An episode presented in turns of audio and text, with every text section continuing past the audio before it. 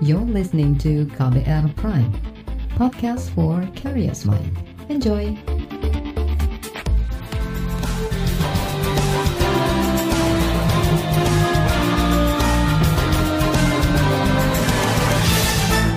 Halo saudara, senang sekali kami bisa menyapa Anda kembali dalam program KBR Sore untuk edisi hari ini, Kamis 27 Agustus 2020. Saya Agus Lukman akan menemani Anda selama kurang lebih 30 menit ke depan. Kali ini kita akan membahas mengenai penyaluran subsidi gaji dari pemerintah kepada pekerja yang berpenghasilan 5 juta rupiah ke bawah. Juga kemungkinan perluasan penerima bantuan.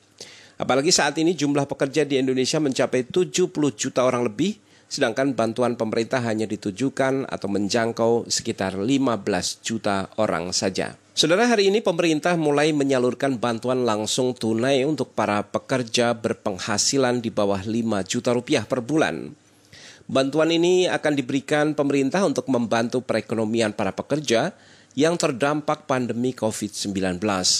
Program ini diluncurkan Presiden Joko Widodo hari ini di Istana Presiden, dihadiri perwakilan pekerja dari sejumlah sektor. Jokowi mengatakan bantuan itu diberikan untuk mendongkrak daya beli masyarakat, sehingga perekonomian dalam negeri bisa kembali berputar. Selain itu, bantuan senilai total 1,2 juta rupiah per orang ini diberikan sebagai penghargaan karena pekerja dan perusahaan telah patuh membayar iuran BPJS Ketenagakerjaan. Berikut penjelasan Presiden Joko Widodo. Hari ini kita lengkapi lagi yang namanya tambahan subsidi gaji. Totalnya nanti yang akan diberikan adalah 15,7 juta pekerja. Diberikan 2,4 juta rupiah. Ini memang diberikan kepada para pekerja yang terdaftar di BPJS Ketenaga Kerjaan. Yang diberikan ini adalah kepada para pekerja dan perusahaan yang rajin membayar iurannya, iuran jam sostek. Artinya ini kita berikan sebagai sebuah penghargaan, reward kepada para pekerja dan perusahaan yang patuh selalu membayar iuran BPJS ke tenaga kerjaan. Diberikan hari ini, ini yang kita luncurkan hari ini, dua setengah juta, dan kita harapkan nanti di bulan September selesai 15,7 juta kerja. Semuanya diberikan. Hari ini saya kira komplit ada pekerja honorer, termasuk guru honorer ini, ada petugas pemadam kebakaran, honorer, ada ada juga karyawan hotel, ada tenaga medis perawat, ada petugas kebersihan ada, karyawan hotel ada, ya komplit. Siapa pun yang membayar iuran BPJS ke tenaga kerjaan secara aktif sampai bulan Juni rajin, patuh, itu yang diberikan. Kita harapkan nantinya setelah ini diberikan kepada Bapak Ibu sekalian, konsumsi rumah tangganya naik. Presiden Jokowi juga menyebutkan sejumlah bantuan lain untuk menunjang perekonomian yang telah diluncurkan pemerintah sejak pandemi COVID-19 muncul di Indonesia. Kita tahu ekonomi dunia sekarang ini mengalami perlambatan, anjlok. 215 negara mengalami hal yang sama, terkena pandemi COVID dan juga ekonominya sangat terganggu. Yang bermasalah bukan hanya yang kecil saja, perusahaan kecil terganggu, perusahaan menengah terganggu, perusahaan besar juga. Rakyat di 215 negara tadi semuanya mengalami hal yang sama, masalah kesehatan dan masalah ekonomi. Pemerintah kita telah meluncurkan banyak sekali stimulus ekonomi, ada bantuan sosial tunai, bansos tunai, diberikan pada masyarakat 600 ribu per bulan. Ada yang namanya BLT desa, juga sama, 600 ribu per bulan. Ada juga yang namanya subsidi listrik, gratis listrik untuk yang 450 VA diberikan. Ada juga bantuan sembako diberikan. Ada juga yang terkena PHK kartu prakerja diberikan. Ada juga baru dua hari yang lalu banpres produktif untuk usaha mikro, usaha kecil diberikan bantuan 2 juta 400 langsung tunai 2 juta 400 diberikan. Dan jumlahnya ini memang sebuah jumlah yang tidak kecil. Itu tadi Presiden Joko Widodo. Sementara Menteri Ketenagakerjaan Ida Fauziah mengklaim telah menyalurkan BLT pekerja kepada 2,5 juta pekerja penerima tahap pertama dari masing-masing bank yang sudah bekerja sama dengan pemerintah. Pemerintah menargetkan penyaluran bantuan ini akan berlangsung hingga akhir September mendatang. Berikut penjelasan Menteri Ketenagakerjaan Ida Fauzia. Adapun target calon penerima bantuan subsidi upah atau gaji ini sejumlah 15,7 juta orang. Data terakhir menunjukkan jumlah rekening penerima yang berhasil dikumpulkan BPJS Tenagakerjaan sejumlah 13,8 juta orang atau 88 persen dari target. Sedangkan data yang sudah divalidasi dan diverifikasi oleh BPJS Tenagakerjaan sesuai dengan kriteria Permenaker sejumlah 10,8 juta orang atau 69 persen dari target. Kami terus mendorong agar seluruh target penerima bantuan subsidi upah atau gaji dapat dipenuhi BPJS Ketenagakerjaan paling lambat akhir September 2020. Adapun rincian penyaluran bantuan subsidi upah atau gaji di masing-masing bank penyalur dari total 2,5 juta penerima batch pertama ada di rekening Bank Mandiri 700 ribu lebih, di rekening Bank BNI 900 ribu lebih, rekening Bank BRI 600 ribu lebih, dan di rekening BTN 200 ribu lebih. Penyaluran selanjutnya akan dilakukan secara bertahap hingga mencapai keseluruhan target 15,7 juta penerima program. Itu tadi Menteri Ketenagakerjaan Ida Fauzia. Dan saudara KBR sore akan jeda sejenak. Di bagian berikutnya nanti kami akan hadirkan rangkuman tim KBR mengenai kepatuhan perusahaan di dalam mendaftarkan pekerjanya sebagai peserta program BPJS Ketenagakerjaan. Seperti apa? Simak usai jeda tetaplah di KBR sore. Lantas bagaimana nasib pekerja yang tidak terdaftar sebagai peserta BPJS Ketenagakerjaan? Bagaimana serikat buruh melihat kemungkinan mereka ini bisa ikut masuk dalam daftar penerima subsidi gaji dari pemerintah? Kami akan hadirkan perbincangannya sesaat lagi. Tetaplah di KBR sore. You're listening to KBR Pride, podcast for curious mind. Enjoy!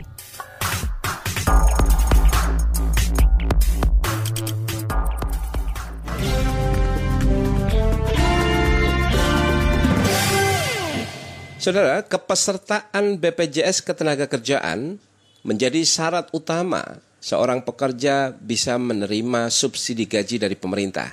Ada andil dari pemberi kerja atau perusahaan di dalam mendaftarkan pekerjanya di BPJS. Ada perusahaan yang patuh mendaftarkan karyawannya di program asuransi ini, tapi tidak sedikit pula yang mangkir dengan beragam alasan.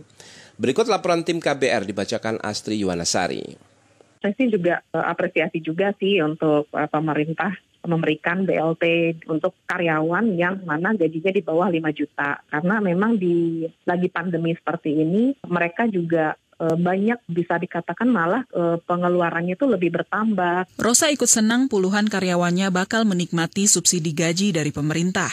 Seluruh pegawai kontraknya memang terdaftar sebagai peserta aktif BPJS Ketenagakerjaan. Bos PT Berkah Rosita Mandiri ini juga telah menyerahkan seluruh data pekerjanya yang bergaji di bawah 5 juta rupiah kepada BPJS Ketenagakerjaan. Sudah, sudah Mbak. Itu sudah kita berikan dan kita hanya menunggu nih gimana nih gitu. Karena kan uh, jam sosek sendiri bahkan tidak tahu mana yang di-approve, kapan uh, terjadinya transferan itu juga nggak tahu. Rosa tertib mendaftarkan pekerjanya ke asuransi pemerintah sejak 2016 silam saat bisnisnya masih berskala industri rumah tangga. Meski diakuinya fasilitas itu hanya dinikmati karyawan kontrak bukan pekerja harian bertahap, Mbak. Jadi di awal waktu kita berdiri di sini, kita kan dari skala home industry waktu itu ya. Home industry menjadi satu industri. Nah, peralihan seperti itu, uh, itu yang kita ada proses. Jadi awalnya yang kita berikan adalah BPJS Kesehatan yang kita penuhi dulu. Setelah itu, uh, apa namanya, ketenaga kerjaan, itu sudah memang kita sudah penuhi dua, dua ini dulu. Lalu berjalannya waktu, kita mulai mengikuti seperti ya itu uh, UMP, lalu ada apa namanya JHT itu yang bertahap kita lakukan dan sampai sekarang hampir 80 persenan itu memang sudah dapat karyawan kita. Bagi Rosa, karyawan merupakan aset perusahaan sehingga berhak mendapat perlindungan optimal. Itu sebab ia tak ragu dalam memenuhi kewajiban perusahaan kepada para pekerjanya saya itu mau karyawan saya itu juga bekerja tidak hanya saya mendapatkan tenaga mereka nih, mendapatkan keahlian mereka, tapi mereka juga mendapatkan manfaat dari perusahaan juga yang ya ini salah satunya kita fasilitasi mereka mengikuti BPJS BPJS ketenagakerjaan ini, kesehatan, pensiunan ini juga. Lain halnya dengan Wulan, pemilik usaha kuliner di Mampang, Jakarta. Lima karyawan usaha kecilnya tak ada yang terdaftar di BPJS Ketenagakerjaan. Alasannya, ia tak ingin repot mengurus kepesertaan, mengingat pekerjaannya kerap gonta-ganti. Kalau di kami sih belum sampai ke situ ya. Masalahnya itu gini, mungkin karena kita itu belum badan hukum juga. Kalau kayak gitu-gitu tuh saya mungkin mikirnya harus berbadan hukum paling enggak be, paling enggak udah ada berupa UD mungkin atau CV. Nah, kami itu belum, Mbak. Jadi untuk ngurus-ngurus kayak kayak kayak gitu kayaknya hambatannya tuh di sana. Wulan justru mengkritik pemerintah karena hanya memberikan subsidi gaji kepada peserta BPJS, padahal karyawannya juga berhak mendapat bantuan karena ikut terdampak pandemi. Masalahnya kalau misalnya BLT-nya mencaratkan apa BPJS dan lain-lain itu terus terang kalau menurut kami ya sasarannya nggak akan uh, orang-orang yang seperti pegawai kami mungkin akan susah. Dalam kondisi pandemi gini sebaiknya pemerintah jangan bikin periz eh, perizinan ya syarat terlalu susah lah. Kalau memang ingin niatnya memberi bantuan itu ya jangan terlalu mempersulit persyaratan-persyaratan. Apalagi kami ini bukan UMKM besar UMKM biasa-biasa aja lah istilahnya gitu. Ya sama aja lah istilahnya sama orang-orang yang di pinggir-pinggir jualan di PKL PKL gitulah mis perizinan kami memang belum belum ajak lah belum belum lengkap Sementara itu, bagi Ervina, pengusaha reklame asal Bogor, Jawa Barat, mengakui tak satupun karyawannya yang menjadi peserta BPJS Ketenagakerjaan. Ia kini tertarik untuk segera mendaftarkan mereka usai ditawari temannya yang bekerja di perusahaan asuransi pemerintah itu.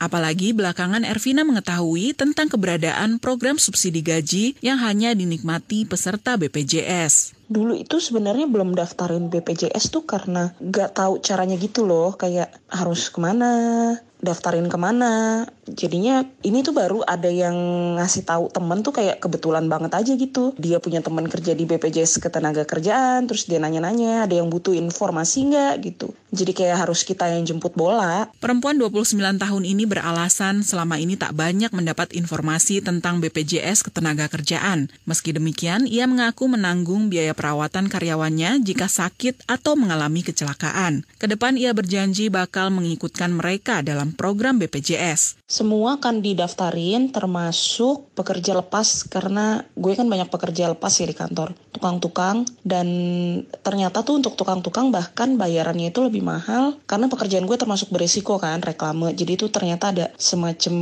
tingkatannya gitulah. Uh, jadi kemungkinan sih memang akan potong gaji dari mereka. Jadi ini juga masih perlu disosialisasikan dulu di kantor. Demikian laporan tim KBR saya Astri Yuwanasari. Lantas bagaimana nasib pekerja yang tidak terdaftar sebagai peserta BPJS Ketenagakerjaan? Bagaimana serikat buruh melihat kemungkinan mereka ini bisa ikut masuk dalam daftar penerima subsidi gaji dari pemerintah? Kami akan hadirkan perbincangannya sesaat lagi, tetaplah di KBR Sore. You're listening to KBR Pride, podcast for curious mind. Enjoy!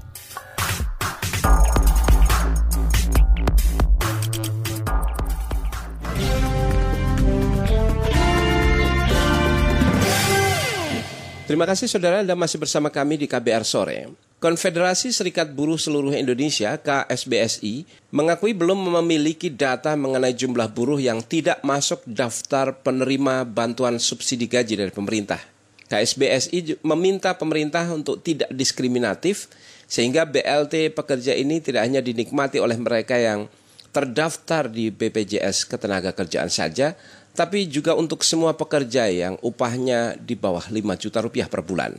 Berikut pernyataan Sekretaris Jenderal KSBSI Dedi Hardianto. Nah kalau kalau di kita memang kita mendorong anggota kita yang menjadi peserta BPJS dan kesulitan kemarin di nomor rekening kita minta pekerja untuk berkomunikasi dengan manajemen untuk menyiapkan nomor rekening para pekerja yang terdaftar di BPJS karena nomor rekening itu tidak bagian syarat untuk menjadi menjadi anggota BPJS. Jadi serikat pekerja mendorong manajemen HRD untuk memasukkan nomor nomor rekening. Nah kalau kemudian anggota kita memang kita belum belum mendapatkan data langsung karena kita belum tahu dari pemerintah anggota kita kita belum verifikasi yang dapat siapa yang belum dapat siapa kita belum verifikasi jadi untuk itu kita belum tahu siapa saja yang menerima dan siapa saja yang tidak menerima. Sekjen KSBSI Dedi Haryanto juga berharap pemerintah bisa segera memvalidasi data-data terhadap pekerja formal di Indonesia dan memperluas bantuan bagi pekerja yang tidak terdaftar di BPJS Ketenagakerjaan. Kewajiban untuk menjadi peserta BPJS itu kan mandatori kewajiban. Bahwa kemudian dalam implementasi ada beberapa pengusaha tidak mendaftarkan dan itu kan domainnya pengusaha untuk mendaftarkan itu bukan pekerja. Jadi kita berharap kepada pemerintah betul-betul validasi data, lalu jumlah yang diberikan itu ditingkatkan tidak hanya 15,7. Jadi data itu betul-betul jangan terburu-buru kita betul-betul validasi data kepada pekerja formal itu harus diberikan dan serikat pekerja juga harus diajak dong bicara jangan hanya main HRD aja karena data HRD juga kadang-kadang tidak semua cepat mengakses Kementerian Tenaga Kerja untuk memberikan data-data. Lalu data pemerintah, lalu data BPJS, data data dari BPS juga berbeda berapa sesungguhnya jumlah pekerja yang hilang hilang pekerjaan. Nah lalu kemudian kita juga ingin pemerintah betul-betul kaitan dengan subsidi betul-betul real sampai ke anggota. Itu tadi Sekretaris Jenderal Konfederasi Serikat Buruh Seluruh Indonesia, Dedi Hardianto. Di lain pihak, Saudara Asosiasi Pengusaha Indonesia APindo meminta agar pemerintah tidak mempersulit persyaratan bagi para pekerja untuk menerima BLT ataupun subsidi gaji ini. Karena salah satu syaratnya adalah keaktifan membayar iuran BPJS Ketenagakerjaan. Berikut pernyataan Ketua Umum APindo Haryadi Sukamdani. Tentunya kalau diberikan persyaratan yang yang tidak memungkinkan mereka ikut, ikut jadi kan masalah seperti contohnya kemarin sempat terlontar kan persyaratan untuk harus tidak boleh menunggak iuran tuh Pak Saleh. Bilang ya nggak mungkin kalau misalnya perusahaannya tutup gimana pasti dia menunggak. Lalu kedua adalah menyangkut masalah yang terkait dengan pembayar PDS dan sebagainya. Saya bilang e, kalau PDS dan sebagainya itu kan susah lagi kalau mem memverifikasi pada kondisi seperti ini. Tentunya nanti silahkan kalau di memang diperlukan untuk diverifikasi karena masalah compliance itu silakan. Tapi kalau di awal perusahaan ini dicurigai PDS terus nggak dibantu gitu nggak dikasih ya menurut saya nggak begitu. Jadi kita berdasarkan basis data yang ada itulah yang kita gunakan. Jangan apa ditumpangin itu loh. Jadi karena ada nih mumpung pemerintah mau memberikan bantuan lalu ditumpangin yang yang yang persyaratan yang punya kepentingan BPJS sendiri. Karena ini tujuannya betul-betul untuk membantu pekerja. Uh, sepanjang bahwa datanya itu terdaftar ya silakan diproses itu tadi Ketua Umum Asosiasi Pengusaha Indonesia Apindo Haryadi Sukamdani. Dan di bagian penutup nanti saudara kita akan simak bagaimana pendapat dari pengamat perburuhan mengenai pencairan BLT ataupun subsidi gaji bagi para buruh yang berpenghasilan 5 juta rupiah ke bawah. Apakah dimungkinkan untuk memperluas penerima bantuan dari saat ini 15 juta orang pekerja Bisakah pekerja melaporkan perusahaan yang tidak mendaftarkan pekerjanya sebagai peserta BPJS Ketenagakerjaan? Simak usai jeda tetaplah di KBR sore. You're listening to KBR Pride, podcast for curious mind. Enjoy.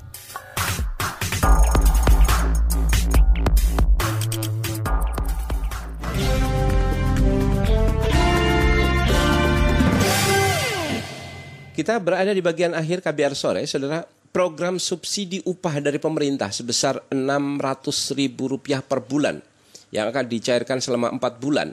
Ini jelas tidak akan dinikmati oleh para buruh yang namanya tidak terdaftar dalam BPJS Ketenagakerjaan. Karena syarat penerimaan subsidi adalah mereka menjadi peserta BPJS. Karena itu sejumlah pihak mendorong agar para pekerja melaporkan perusahaan atau pemberi kerja yang tidak mendaftarkan nama mereka dalam kepesertaan BPJS Ketenagakerjaan.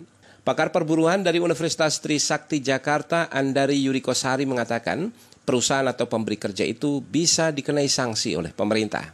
Berikut penjelasan pakar perburuan dari Universitas Trisakti Jakarta, Andari Yurikosari. BPJS itu kan wajib ya sifatnya. Pertama perusahaan yang bersangkutan bisa dilaporkan kepada BPJS maupun kepada pengawas ketenaga kerjaan. Karena ini merupakan suatu hal yang sifatnya wajib. Kedua, kalau memang pekerja itu belum didaftarkan, artinya dia belum punya BPJS ketenaga kerjaan kan, sebenarnya secara pribadi masing-masing pekerja itu bisa mendaftarkan diri sendiri. Tentu saja membayar iuran sendiri. Ya, jadi pekerja-pekerja yang demikian segera mendaftar ke BPJS ketenaga kerjaan sesuai dengan wilayah di mana perusahaan dia bekerja gitu. Harus hmm. proaktif ya pekerja itu untuk mendaftar. Tapi tentu saja tadi yang pertama saya bilang harusnya pekerja-pekerja ini melaporkan perusahaan-perusahaan yang tidak mendaftarkan ya kan? Ini kan sifatnya wajib. Berarti dia bisa kena sanksi ya. Dari BPJS ketenaga kerjaan itu sanksinya ada. Ya entah administratif saya kurang tahu apakah ada sanksi pidana. Ya itu ada di dalam undang-undang tentang jaminan sosial ya. Jadi nggak boleh. Nggak boleh perusahaan itu tidak mengikut sertakan pertama bisa dilaporkan. Kedua dalam rangka ini pekerja langsung mendaftarkan diri sendiri ya dengan melengkapi persyaratan ke BPJS di mana perusahaan itu berada di wilayah hukum BPJS yang bersangkutan dan ini tidak saja pekerja itu sendiri bisa juga serikat pekerja kalau dalam perusahaan ada. Tahu saya kalau perusahaan yang tertib ya pasti mengikut sertakan pekerjanya dalam BPJS. Tahu saya tidak perusahaan-perusahaan tidak berani kalau yang memang perusahaan yang benar ya. Pengamat perburuhan Andari Yurikosari juga menilai BLT ataupun subsidi gaji bagi pekerja yang memiliki penghasilan di bawah 5 juta rupiah per bulan ini, bantuan ini akan bisa meningkatkan pertumbuhan ekonomi, tapi hanya untuk sementara waktu. Bahwa BLT ini kan namanya BLT, ya singkatan dari bantuan langsung tunai kemudian ditetapkan akan diberikan kepada pekerja kalau tidak salah itu enam bulan. Artinya memang ini diharapkan oleh pemerintah supaya meningkatkan roda ekonomi dan pekerja-pekerja yang di bawah 5 juta ini penghasilannya bisa menggunakan untuk memutar roda ekonomi yang bisa uh, konsumsi dan lain-lain ya. Nah ini tujuan pemerintah. Yang pertama saya memperingatkan atau menyarankan bahwa ini namanya bantuan. Artinya tidak bisa diharapkan akan berlangsung terus-menerus. Namanya juga bantuan tadi. Tapi yang kedua, memang saya pribadi mengatakan ini suatu hal yang sangat efektif, sangat baik yang diberikan pemerintah ya. Karena pemerintah juga memperhatikan pekerja-pekerja yang bekerja di sektor swasta. Ini kan swasta ya. Jadi kalau PNS diperhatikan, ternyata pekerja sektor swasta diperhatikan juga terutama yang memang penghasilan di bawah 5 juta. Dan ketiga tadi sudah saya sampaikan, memang ini harus mereka yang terdaftar di BPJS. Ya ini untuk memudahkan monitoring ya, monitoring dan evaluasi tuh dengan adanya peserta itu terdaftar di BPJS, maka itulah peserta dengan data pribadi dan sebagainya itu bisa mudah. Nah, kemudian nomor rekeningnya segala kan akan ditransfer itu lebih mudah bagi BPJS maupun bagi perusahaan. Jadi pesan saya tadi sebaiknya pekerja-pekerja yang belum terdaftar dalam BPJS melaporkan perusahaannya pertama, kedua dengan proaktif dia mendaftarkan diri sendiri ke BPJS ini tidak tidak dilarang sebenarnya ya karena BPJS itu kan pada dasarnya nanti akan dipegang pekerja, misalnya dia pindah ke wilayah lain, BPJS tetap berjalan, tinggal melapor ke wilayah lain. Jadi menurut saya ini pekerja memang harus proaktif, terutama yang mendapatkan BLT ini ya, sesuai dengan ketentuan pemerintah, di mana penghasilannya memang di bawah 5 juta. Itu tadi saudara pengamat perburuhan dari Universitas Trisakti Jakarta, Andari Yuri Kosari. Saudara pernyataan tadi menutup jumpa kita di KBR sore edisi hari ini Kamis 27 Agustus 2020. Pantau terus informasi terbaru melalui kabar baru, melalui situs kbr.id, juga melalui akun Twitter kami di berita KBR serta podcast di alamat kbrprime.id. Akhirnya saya Agus Lukman, kami undur diri. Salam.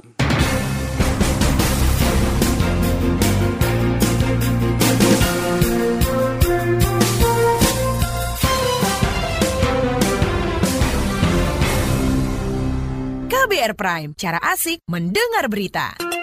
KBR Prime, podcast for curious mind.